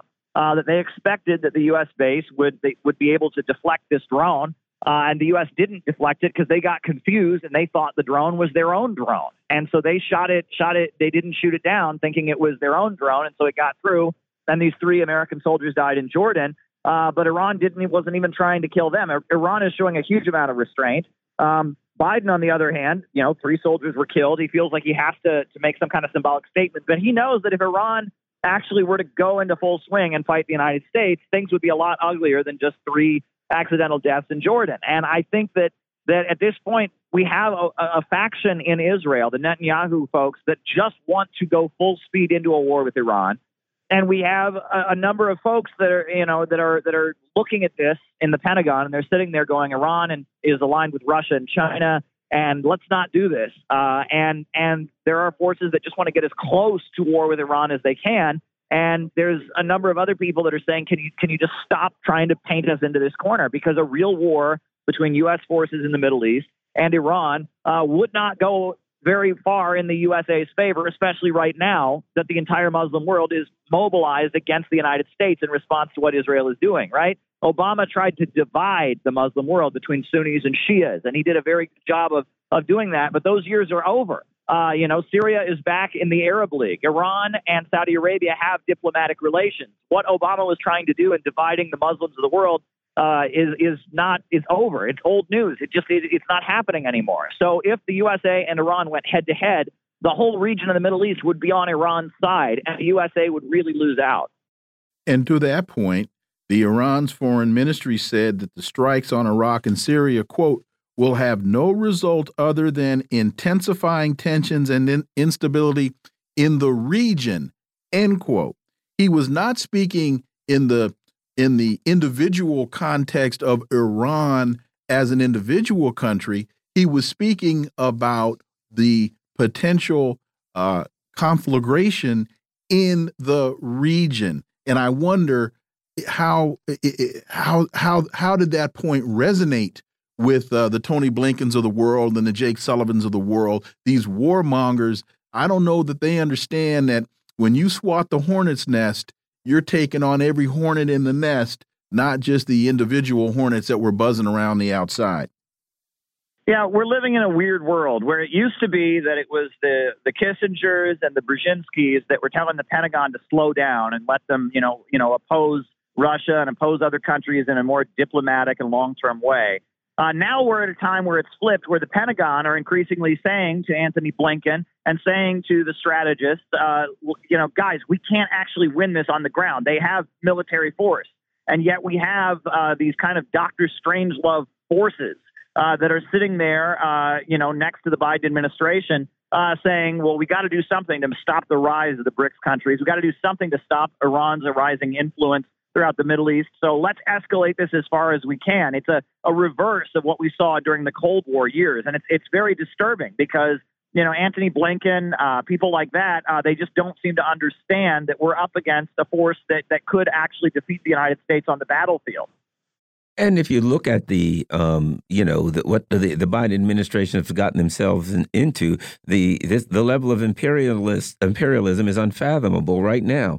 They're uh, uh, they're on the Korean Peninsula. There's chaos there. There's you know uh, uh, rising tensions there. You've got the Ukraine project falling apart. They're saying they're going to confront Taiwan, and of course this uh, disaster in the Middle East. Your thoughts on all of that? And don't forget North Korea. Yeah, exactly.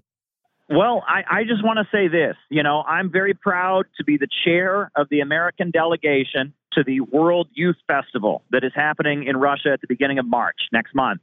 And one thing that we are going to make a point of trying to do, whether we're successful or not, is to have a meeting between the American delegation and the Kim Il sung youth of North Korea that will be at this international youth gathering. And our hope is that we can be there and show them that not all Americans hate them, uh, that not all Americans, you know, think that North Korea is an evil country. Not all Americans uh, get their assessment of North Korea based on disgusting Hollywood movies like The Interview uh, and uh, and and you know other films like that, and that that we hope that we can play a role in perhaps getting dialogue uh, between America and North Korea going again. And we don't know if they'll be willing to meet with us or not, but they will be at this international festival, and so will we. Uh, so will the Center for Political Innovation, the American Student Union, and other organizations. And we're hoping that in the context of things really escalating on the Korean Peninsula, we can play a role in perhaps de escalating things. So I hope that we are successful. Uh, I've been paying close attention to the Korean Peninsula, and things are bad, and they haven't been this bad in a really long time. And the fact that North Korea is saying reunification's off the table, that the reunification monument has been taken down, uh, that's all not good. It's not good, but it's based on the circumstances that North Korea is in. North Korea has not been given anything. There was so much hope when Trump met with Kim Jong un. But the Biden administration and the regime in South Korea have just erased everything. And they are trying to escalate it. And so North Korea is responding that way as well. I mean, they're saying, look, you're not going to give us anything. Uh, we're not going to continue dialogue. And it's very disturbing because North Korea is a highly militarized country. Uh, they, you know, countries around the world want their weapons because they make them so well and uh, you know, and and we don't want a war on the Korean Peninsula either. I mean, every theater of the world, we see the Biden administration again trying to escalate every potential conflict, whether it's the Taiwan situation, whether it's Ukraine, whether it's the the Korean Peninsula, whether it's the, the Middle East, Gaza. It's like they they just can't take their foot off the gas pedal in their desperate drive to get us toward World War III. The American people don't want that. The people of the world don't want them. Cool want that. Cooler heads must prevail. Common sense must prevail. Caleb Maupin, as always, thank you so much for your time. Greatly, greatly appreciate that analysis, and we look forward to having you back. Always a pleasure. Folks, you're listening to the Critical Hour on Radio Sputnik. I'm Wilmer Leon. I'm joined here by my co host, Garland Nixon. There's more on the other side. Stay tuned.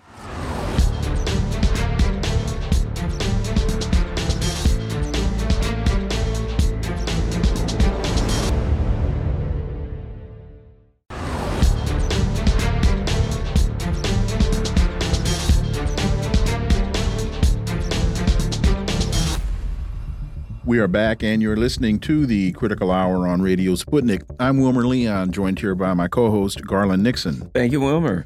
Tucker Carlson coy on rumored Putin interview.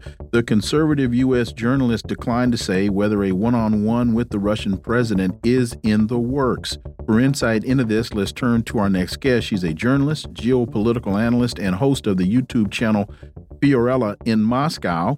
She is Fiorella Isabel welcome back. Thanks for having me. So, U.S. political commentator Tucker Carlson, who is currently in Moscow, has refused to confirm or deny that he plans to interview President Putin, merely answering the question with, We will see. He made no secret of his wish to interview the president and claimed that his back-channel efforts to organize such a meeting a few years ago made him the target of U.S. surveillance that statement right there to me is incredibly, incredibly intriguing. The fact that a journalist wants to interview a world leader made him target of U.S. surveillance. Your thoughts? Yeah, I mean, what is happening right now with the whole Tucker Carlson situation is really actually mind blowing because it's not the first time uh, any mainstream media anchor or pundit has interviewed Vladimir Putin. And it's also not the first time that any anchor, like Barbara Walters, for example, has interviewed a controversial figure, controversial from the Western perspective, that is.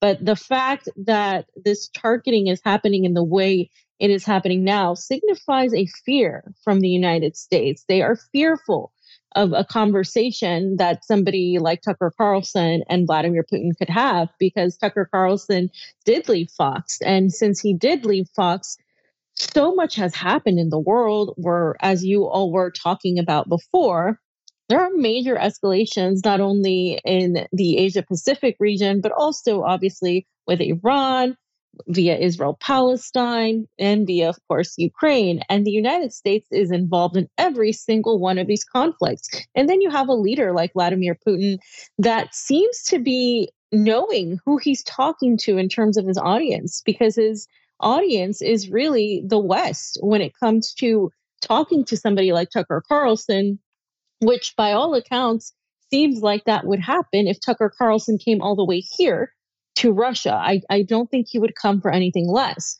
And I think that the aim is to really show uh, what Moscow is like, what the Russian people are like, and give a different perspective. He has done this before with other world leaders. And so, what we're looking at here is that the United States and their proxies are clearly afraid of the response that such a popular figure like Tucker Carlson might have with an audience uh, in response to Vladimir Putin, who we have been told is equivalent to Hitler, who we have been told is this boogeyman and he is evil and there's no redeeming quality to him. But based on Putin's speeches and the things he says, and many Western audiences don't get to hear, that will drastically change, I think, a lot of people, or at least impact them in a way in a time where we're on the brink of a catastrophic nuclear event, I think. And I don't think that's an exaggeration. So I think that's why at this pivotal moment, the uh, powers that be are extremely afraid of this interview to the point where they're saying that they're going to go after Tucker Carlson in a legal way for simply being here and trying to attempt to do journalism. They have gone so far off from what journalism was supposed to be that they don't recognize that this is actually what you're supposed to do talk to adversarial figures or people that you, you may disagree with you know, Fiorella, one of the things I see is that, you know, part of the U.S. foreign policy, part of dragging Americans into suffering because of our foreign policy or wanting to go to war somewhere where it doesn't benefit them is always this demonizing someone. There's this evil entity out there. And when someone, a news figure, a trusted in somebody, at least some people trusted news figure, goes to speak with someone, it humanizes them. And you get to listen, whether it's Assad, who we know is evil, Maduro's evil, uh, need I go on? Everyone that the neocons don't, don't like is evil. But if somebody interviews them and hears what they have to say, heaven forbid they may say, well, this is just a regular human being who happens to like their own country. It is very difficult to drag people into these kinds of misadventures if they come to realize that the people on the other side are just human beings. Well, and let me add one more thing to that. By all assessments I can make, President Putin is a pretty smart guy. And so he's not going to allow himself to get baited into a foolish, silly, ridiculous conversation. And so he's he's going to do more than hold his own and present his case. And that's going to cause a lot of people in this country to scratch their heads and go oh wait a minute. This guy he doesn't seem to be crazy. He doesn't seem to be unhinged. He doesn't seem to be evil. He's not sitting there wearing a diaper you know talking to a sock puppet. This guy seems to be okay and it, it also makes me think about one reason why we never heard former Zimbabwean president Robert Mugabe speak to the American press because the American press was afraid of um, what he would be able to say and be able to say in very clear English. Uh, your thoughts, Fiorella? Yeah, I, I definitely think the humanizing aspect of Putin is important. And then there's also the aspect of the American people realizing what they don't have and realizing that the rest of the world sees a lot of the problems that they are dealing with. For example, Putin has talked about the United States accusing him before of of not having fair elections, of being some sort of dictator. And he has talked about the changing of presidents not actually changing the foreign policy of the United States. And he's hardly the only one. Fidel Castro mentioned it in interviews as well and other figures that have you know been deemed controversial by the US have also talked about this so it's almost like he is echoing i think the sentiments of Americans especially Americans who feel like they've been lied to by their government who are going through an economic crisis this whole idea of America first, when we talk about that, that is said a lot. But most politicians, and I f- might venture to say, if not all of them, don't really do mean America first. When we talk about Russia first, I believe Putin is doing that. I believe Putin is putting Russians first. In spite of the sanctions, there was preparation for what would happen. They didn't largely affect the majority of Russians. Uh, and you can say that there was a sort of preparedness for this, that, that there was an ability to go beyond and act according to what Russians needed. Even when you look at this special military operation and what that meant and the moment it happened was in a moment where Russia could actually do something about it. And there are things that Russia is doing that is going to benefit Russians and the future when you talk about BRICS and all of that. So I think um, when Americans would view or hear somebody like Vladimir Putin, especially Americans that haven't actually gotten a chance to listen to any of his speeches, they will be perhaps blown away in, in the sense that they will see, wow, this guy makes a lot of sense. And he just simply is saying what's on our minds. And I think that fear is is what that's what the, the West would fear because they will now see Putin as not only a human being, but also a very intelligent leader that is actually doing what's best for his people. And that is everything that the American public wants. They would like a leader that's competent, that is actually not going to take us into a World War III scenario, that is actually going to look out for the American public. But that's not what we have. And if we see that we don't have that and Russians do, that might actually jostle uh, this idea that we've had as to how the world might function. And, and we might realize, and many people might realize, that maybe you've been tricked. Fiorella, what what does uh, what does Rachel Maddow do if Tucker Carlson has is granted this interview, and then the interview airs in the United States? and President Putin comes off as you've just described. What does what does the what do the Rachel Maddows of the what does Joanne how do they have a conversation with their um, so-called analysts who are really no more than spokespeople for the dominant narrative? How do they have a conversation about it? Well, they can't. They basically have to say, well, clearly Tucker Carlson is working with Vladimir Putin to elect Donald Trump, and that's going to be where they're going to go, right? Like because Tucker Carlson has been you know, named as a potential VP pick, he's been you know promoted in that way, so that's where they're going to go. They're going to say that you know Tucker Carlson is trying to help Trump via the Kremlin, and they're just going to deny, deny, deny, and completely continue to vilify because they're too far gone. They can't go back and pretend that all the things they've said since 2015, nine years, are are va- are somehow not valid. That would discredit them. So they have they have to go forward with this message that this is just all part of the plan to elect a crazy fascist Trump into the White House, and therefore you uh, can't lend any credibility, and something has to be done because Tucker Carlson decided to do the one thing he can't do is talk to uh, another world leader that is adversarial to the U.S. in this moment. So I think that's where they're going to go. On February 3rd, the Kiev regime bombed a bakery filled with people. Uh, they had about left about 40 people trapped under the rubble. So far, we're at about 28 deaths and 10 others injured. Uh, got about um, two minutes. Fiorella.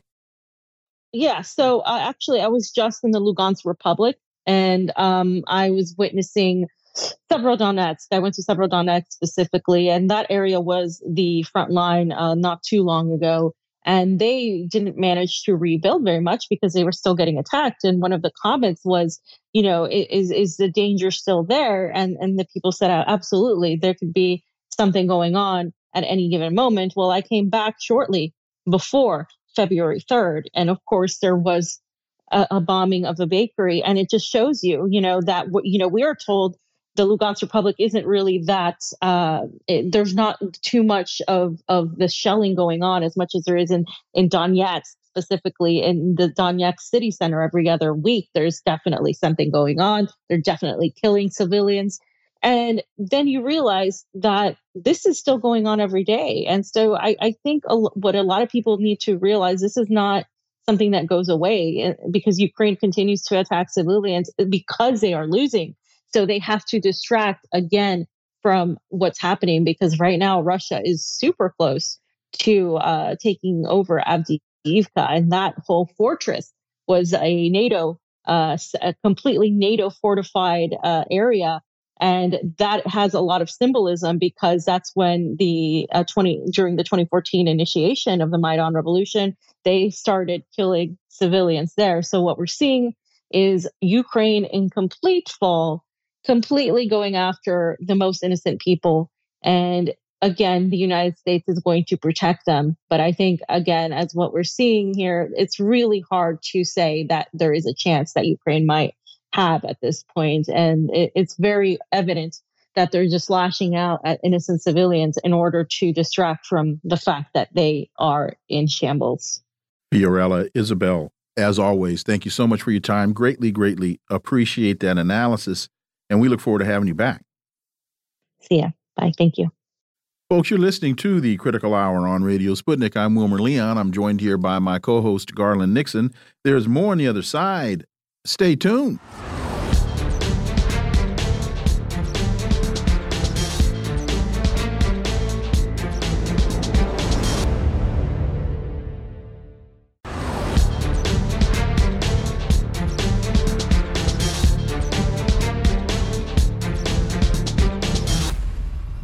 We are back, and you are listening to the Critical Hour on Radio Sputnik. I'm Wilmer Leon, joined here by my co host, Garland Nixon. Thank you, Wilmer. Senate negotiators release sweeping border and military aid bill, the $118 billion national security package, is a top priority for President Biden, but faces stiff opposition from former President Trump and his allies.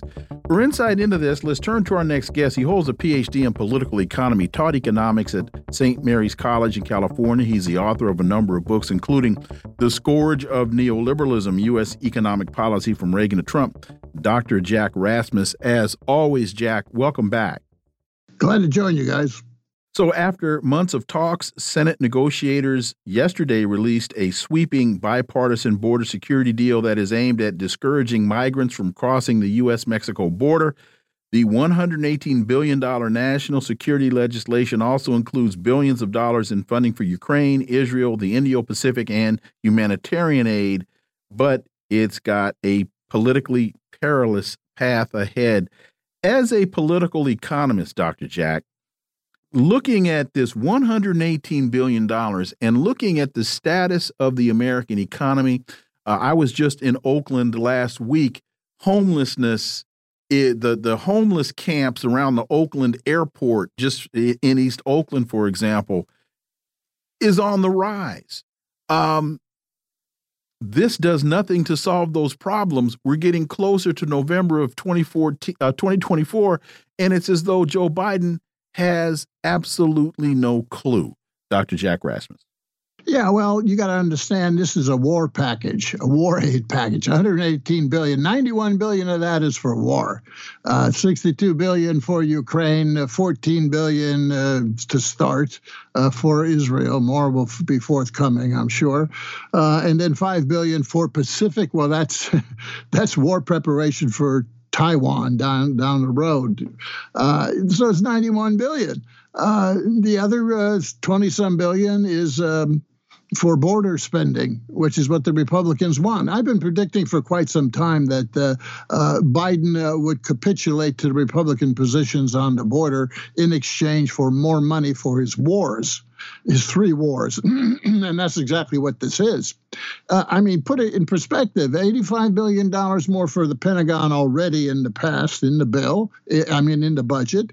Uh, now $118 billion more. That's like 200 billion, right? Uh, and then on top of that, coming right behind this is 78 billion uh, continuing uh, tax cuts uh, for, for investors uh, part of the renewing of uh, the Trump tax cuts of 2017 with some token uh, sweeteners there uh, for childcare. So, you know, look two, 300 billion more. We're already running two, $2 trillion deficits. I mean, it's more and more deficits as far as the eye can see. And, uh, you know, at the same time, we're paying already $665 billion just interest on the debt. Uh, that's going to seven, eight hundred billion dollars. And when that happens, it crowds out all social spending.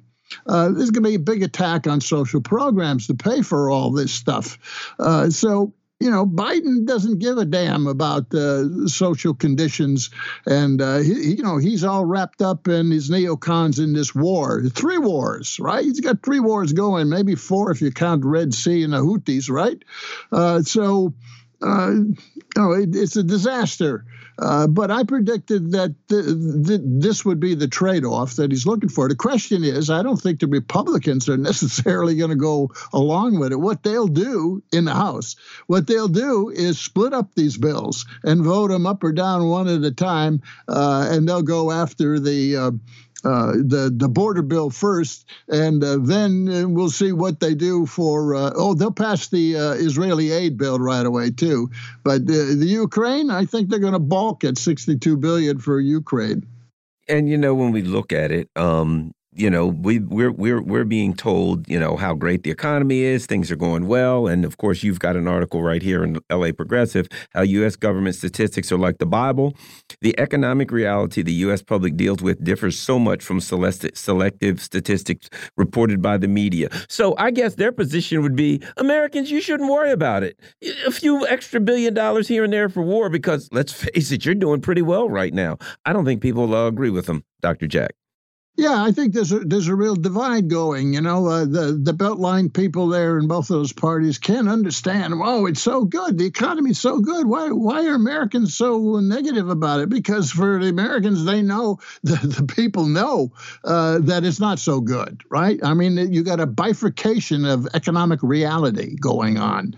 Uh, the Beltline and politicos uh, look at their statistics and they cherry pick certain statistics to, to say, oh, it's so good. Uh, but there are other statistics in the government data that says it's not so good. And that's what I mean by uh, statistics are, are like the Bible. You can find whatever you want in it. You can cherry pick whatever statistic you want, and you'll find what you want to spin a good example is is on the on the jobs picture. You know, they're saying, "Oh, wow, 353,000 jobs." Well, that's from one survey uh, in the Labor Department that comes from big businesses, right? They call the CES survey, and it says 353,000 jobs. Uh, I, in the article, I explain why it's not really 350, but you know, 353,000 jobs from one survey. But you go to the other government survey, the CPS survey, current population survey, and you see that the total level of employment is down.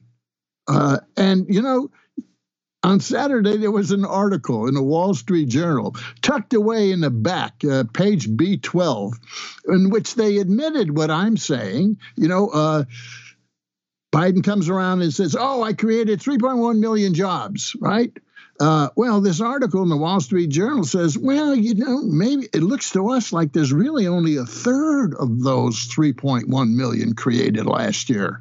And that's exactly what I wrote about. I did the calculations and I said, it's, they didn't create 3.1 million. If you look at employment levels year to year, uh, what you see, total employment, what you see is Last year, only 820,000 jobs were created, which means less than 100,000 a month. So, what statistic, you know, are you going to pick? You can cherry pick what you want, like the Bible. You can find whatever you want to say in the Bible, one way or another, to justify whatever you want to do. Well, it's the same thing. They cherry pick the statistic, they throw the statistic out in the media that looks good, but you know, just go look at the government data in more detail, and you'll find there's other statistics that say it's not so good. Like one more example 3.7% unemployment last three months. Well, just go to table A14 in the CPS government employment survey, and what you will see uh, when you count not just full time workers, but all the other workers in the economy, you'll see the unemployment rate is 8%. It's not 3.7, it's 8%. They just cherry pick what they want and spin it. So, picking what they want and spinning it, there's an awful lot of focus on the stock market. There's an awful lot of focus on the on the value of of of stocks and corporations, which, uh, following your logic, the deindustrialization of America is also playing a huge role in this because we don't make nearly the things that that we used to. So this it's and it's also interesting that I haven't heard Joe Biden use the word Bidenomics in in 2 months. Yeah, because uh, the Bidenomics is not catching on with uh, the population. They they know a different economic reality, and uh, it was going nowhere. Bidenomics was part of this. Oh, spinning! How great Bidenomics, Biden policies have been. That was the spin. But polls show is uh, people don't believe it. So now what are they doing? They're tacking back the Democrats to the only issue they have, and that is, oh, Trump is so bad. It means the end of the world. you know uh, so that's the only issue they got, and that's the one they're going to run with. Basically, we've been talking for a while and talking about some some kind of significant downturn. You know, uh, do we get another 2008 style collapse, or does this thing just go on with this economic melees, as it were? Yeah, well, uh, both, but the, the question is the time period. You know, we're we're we're not facing an imminent financial crash. Excuse me. Although uh, there are problems like in commercial real estate uh, market, and if rates don't come down, let alone rise again, uh, you're, you're going to see a a, a, similar kind of financial instability event coming out of the uh, commercial real estate market, and it's already continuing to have um, more uh, instability in, in the regional banking system. So you could see that, but it's not imminent, right? It could happen 25, 26, uh, but it's not imminent. What is imminent is that we have this. Uh, very uh, subnormal economic recovery going on, right? Uh, the GDP preliminary numbers for last year was 2.5 percent. The year before that, one point something percent. Okay, think about it. Apart from the fact that that number is overestimated, you know, but I won't get into that why in the article I say I explain it. But one point something percent, 1.5 percent, 2.5 percent. The last two full years since the recovery from COVID and what did we throw at the economy to get, you know, those tepid growth rates? We threw $9 trillion in fiscal and monetary stimulus in 2020 and 2021 at the economy, and we got a molehill. Mm. Of recovery here, okay. one point something and 2.5, and now it's slowing down. All the forecasts for this year is it going to be less than 2.5. Uh, depends how deep the the recession goes, if there is one here. And they can't uh, throw any more money at it. Yeah. Uh, so what did you for nine trillion dollars? We got one and a half and two and a half percent.